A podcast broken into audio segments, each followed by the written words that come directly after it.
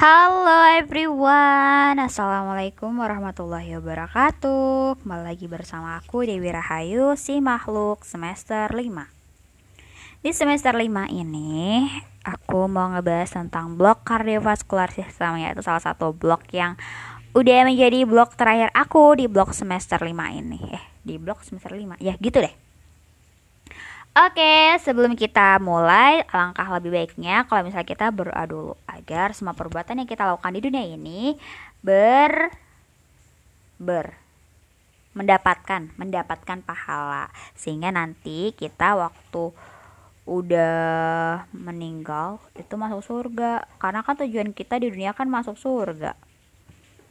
Gitu. Oke okay, let's start. To take a break guys. Bismillah Bismillahirrahmanirrahim. Bismillah. Nah setelah kita berdoa lanjut ya Kita ngebahas. Nah di blok kardiovaskular ini kayak istilahnya ini pendahuluan blok Tapi bukan berdasarkan dokter koor. Ini berdasarkan calon dokter aja. Yang nge-review dari materi-materi yang kemarin-kemarin udah aku tulis dan saat ini aku mau kayak nge-review ulang biar nanti kalau misalnya aku di jalan bisa dengerin deh podcast aku pribadi. Gitu. Gue sih nggak mau expect gimana gimana gue cuma mau expect ke diri aku yang enjoy dengerin suara aku pribadi. Mantap. Oke di segmen kali ini aku cuma ngebahas tentang mapel-mapel apa aja sih yang akan kita bahas di blog kardiovaskular sekalian ngurutin dari mapel yang paling basic sampai mapel yang dia udah agak rumit gitu ya Bo istilah kata kalau misalnya kita di tutorial itu kan kita ada all about. Nah, all about itu kan dari yang kita kenalan dulu nih sama klinisnya dari dari definisi, epidemiologi, etiologi sampai ke edukasi sama kayak di mapel ini. Dari yang kita kenalan dulu sampai yang perpisahan gitu ya. Oke, mari kita mulai. Ini aku buat tulisan blok kardiovaskular di tengah-tengah kertas. Gue suka yang sistem peta konsep gitu. Karena itu lebih memudahkan gue sih. Iya gue sorry sorry. Aku maksudnya. Buat aku pribadi itu lebih memudahkan. Jadi aku tulis kardiovaskular aku kasih buletan. Habis itu aku kasih panah panah panah panah panah. Nah panah yang pertama kita tunjukkan kepada mapel yang akan kita pelajari pertama sendiri yaitu mapel ana anatomi atau mapel yang kalau bagi aku pribadi aku menyebutnya sebagai mapel alamat karena anatomi itu akan membahas tentang alamat-alamat yang ada di tubuh kita. Nih tangan e, misalnya jantung ini yang tempat mompa-mompa darah ke seluruh tubuh alamatnya di mana ya? Nah, oh di ventricle sinistra nih gitu. Nah, jadi kita tahu nih alamatnya sih tempat memompa darah ke seluruh tubuh. Nah, makanya aku bilang anatomi ini sebagai alamat of course kita kalau misalnya mau tahu rumah si doi kita harus tahu alamatnya kan sama kayak kita seorang dokter yang di mana kita kalau mau tahu predileksi predileksi atau enggak ciri khas ciri dari suatu klinis tentu kita harus tahu alamat-alamat atau letak-letak dari struktur organ tubuh manusia. Biar nggak jadi kayak lagunya Ayu Ting Ting yang alamat palsu. Oke gitu aja sih. Jadi pokoknya anatomi ini adalah satu mapel yang dasar banget. Banget nget nget nget. No comment no debat no no no no no no no. Pokoknya. Pokoknya harus banget dipahami dikenal dimengerti dipahami sampai mantap pokoknya taaruf sampai taaruf setaaruf taarufnya gitu kenal sekenal kenalnya kalau di film bukan laki-laki biasa Oke, nggak usah kita berlebar-lebar sampai ke film. Lanjut. Nah, di sini aku pribadi itu pakai teknik angka. Jadi misalnya aku mau menghafal sesuatu biar kayak mm, nggak mm, cuman hafal sih. Misalnya kita kayak ada keperluan untuk nantinya akan kita ulang-ulang terus. Nah, biasanya aku menggunakan angka kalau misalnya dia jumlahnya lebih dari satu. Karena kalau misalnya angka itu kita memudahkan kita, oh ternyata ada nih yang kelewatan, ada yang ketinggalan. Nah, gitu. Yang seharusnya kita harusnya ngapalin misalnya 6 materi loh kalau misalnya kita nggak kasih kayak poin-poin setiap poinnya misalnya materi A ini nomor satu materi B nomor dua nanti ditotalin kan jadi 6 poin kalau seandainya kita itu nggak pakai poin-poin kayak gitu nggak pakai angka-angka kayak gitu nanti kita bisa jadi kita tuh lalai gitu loh ada materi yang terlupakan dan kita sendiri nggak sadar karena kita nggak pakai angka-angka. Nah, karena aku itu suka banget menandai sesuatu dengan angka, maka di sini pun aku menggunakan uh, cara itu. Yang pertama ini anatomi karena dia itu basic yang pertama, maka aku tulis angka 1. Uh, for your information nih guys, buat kedokteran ini kan sendiri dia lebih menggunakan kayak ke latin-latinan gitu ya. Nah, jadi di sini kita menggunakan hu angka Angka apa Bu ini Bu namanya? Halaman. Angka Romawi. Bodoh amat dia dia nggak tahu nggak mudeng. Oke kita menggunakan angka Romawi. Uh, kalau misalnya kita nulis resep itu kita banyak menggunakan angka Romawi. Jadi kita biasakan ya dari dari awal itu kita biasakan menggunakan angka Romawi. Jadi kalau kata biar kita tuh kayak nggak eh, nggak uh, kudat gitu loh sama angka Romawi gitu. Oke, anatomi kita kasih tanda ya. Satu, clear, clear, clear. Kita kasih tanda satu. Next, kita naik lagi nih ke tingkat yang selanjutnya. Tingkat yang selanjutnya diduduki oleh si mapel embryologi di sistem blok uh, di blok kardiovaskular sistem ini kita nggak cuma ngebahas tentang anatomi aja tapi kita juga harus ngebahas tentang anat uh, embryologi Kenapa sih kita penting banget ngebahas tentang embriologi? Karena biar kita tuh tahu, oh organ ini tuh sistem pembentukan tuh kayak gini, jaringan ini nih muncul munculnya dari sini gitu. Kayak kalau jantung, kalau misalnya teman-teman pastikan sebelum masuk ke kardiovaskular itu pasti melalui blok yang namanya tumbang atau tumbuh kembang. Nah, di blok tumbang itu pasti akan diajarin tentang sirkulasi janin. Di sirkulasi janin itu kan beda kan sama sirkulasi di manusia normal atau manusia dewasa. Di situ pasti karena ada beda, jalannya juga beda. Nah, di situ nanti kita kita akan juga bahas di embriologi. Apa sih organ yang berubah dari yang janin, newborn, newborn bayi baru lahir sama kita ini apa sih bedanya Nah, kita akan bahas di embriologi.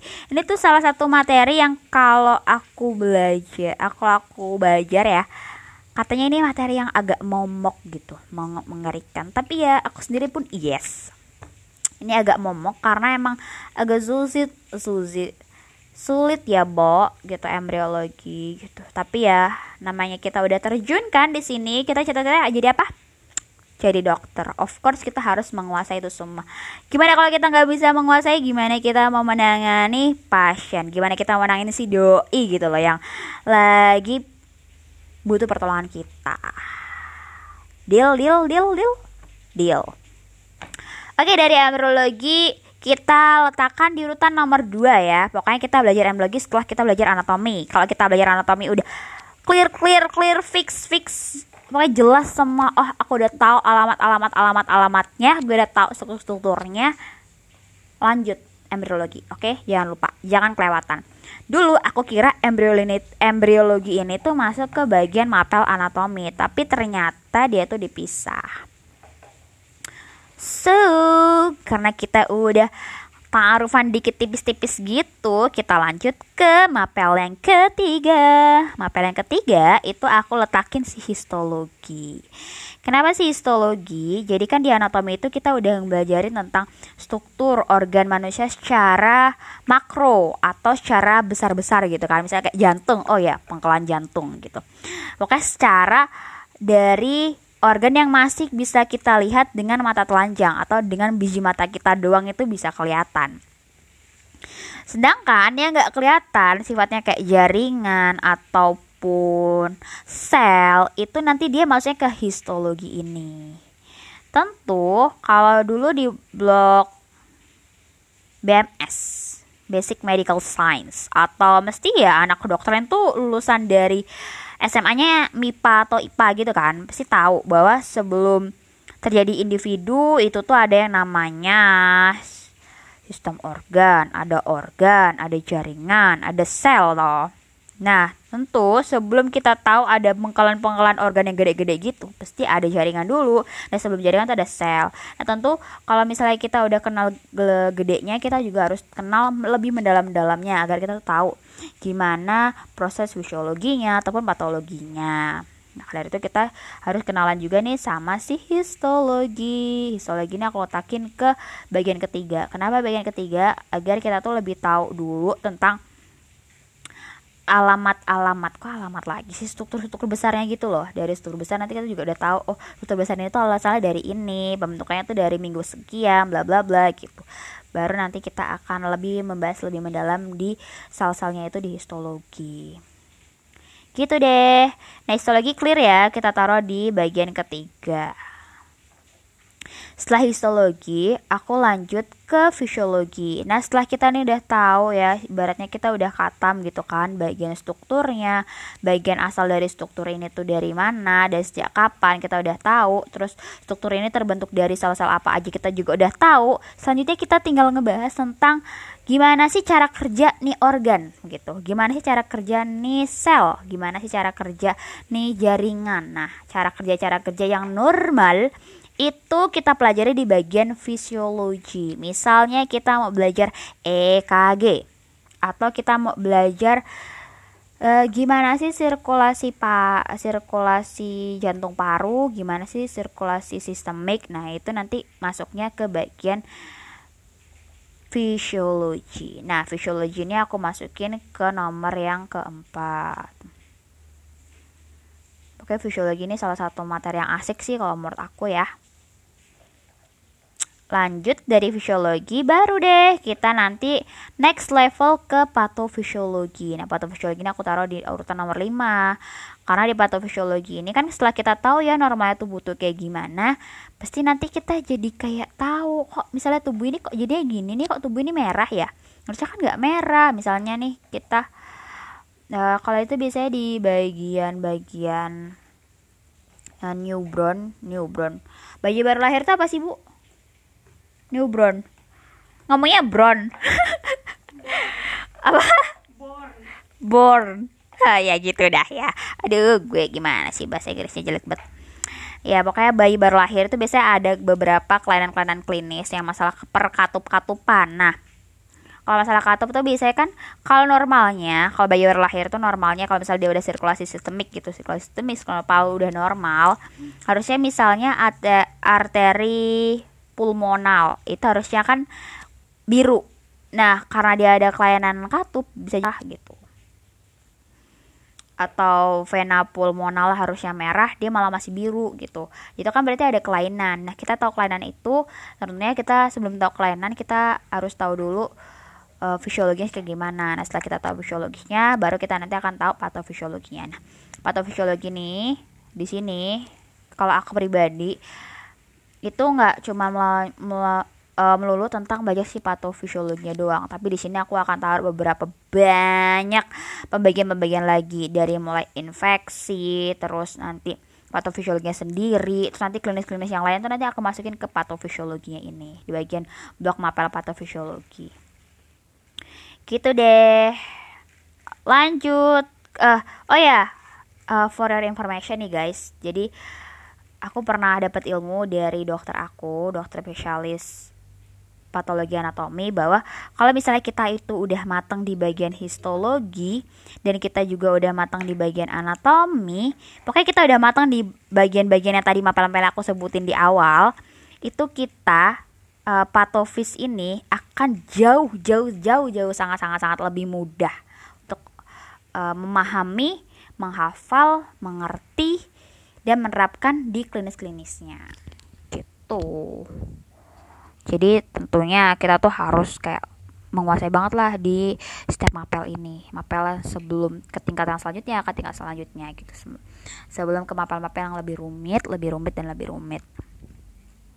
Nah setelah aku di bagian patofis itu aku lanjut ke pemeriksaan. Nah di pemeriksaan kenapa nih aku kasihnya cuma pemeriksaan doang?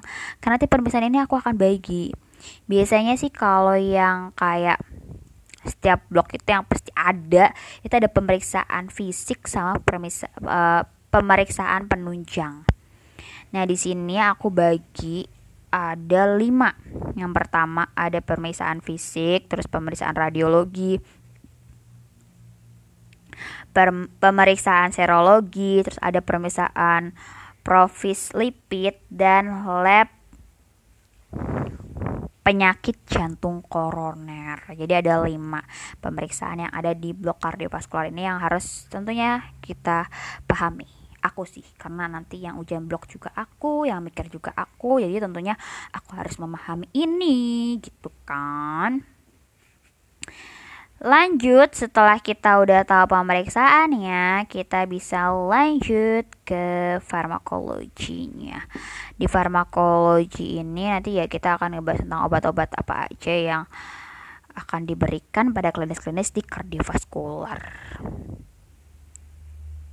Gitu deh. Nah, uh, si farmakologi ini tuh ada hubungannya loh sama anatomi. Nanti kalau misalnya kita nulis resep tuh ada ada beberapa banyak beberapa banyak beberapa banyak. Banyak ya banyak hal yang nanti akan berhubungan sama anatomi. Jadi tentunya kita harus menguasai banget yang materi dasar ini loh. Yang agak susah ini loh. Agak ya tapi nggak selamanya susah kok. Buktinya ada orang yang bisa nyiptain sebota kan buktinya banyak tuh yang jadi dokter. Jadi ya pasti bisalah nah di sini ada materi yang aku taruh di urutan ke-8 atau urutan ke terakhir yaitu si gizi medik. Gizi medik ini nanti akan dibahas tentang pergizi-gizian di blok kardiovaskular. Gitu deh. Jadi pokoknya di blok kardiovaskular ini buat diri aku pribadi dia udah lo yang lagi jalan-jalan pasti lagi dengerin ini dengerin ini baik-baik. Di blok kardiovaskular ingat-ingat ada 8 mapel ya mapel yang harus lo kuasain. Yang pertama ada anatomi yang kedua ada embriologi yang ketiga ada histologi yang keempat ada fisiologi yang kelima ada patofisiologi ada pemeriksaan ada farmakologi dan ada gizi medik. Semuanya ini harus dipahami. Itu masih gambaran besar mapelnya ya. Mapel ini nanti akan dibagi-bagi lagi loh Oke, okay, daripada kita makin pusing-pusing, mungkin oke okay, kita cukupkan saja. Kita lanjut ke part yang selanjutnya, yaitu part anatomi. Oke, aku cukupin ya. Dadah. Wassalamualaikum warahmatullahi wabarakatuh. Oke, maaf aku belum mengucapkan hamdallah. Oke, kita ucapkan hamdallah bersama-sama. Alhamdulillahirabbil Kita istighfar tiga kali astagfirullahaladzim, astagfirullahaladzim, astagfirullahaladzim. Doa kibaratul majrid. Subhanallahumma bihamdika wa syahadu alla ilaha anta wa syahadu tubuh ilahid. Assalamualaikum warahmatullahi wabarakatuh. Bye bye. Love you diriku.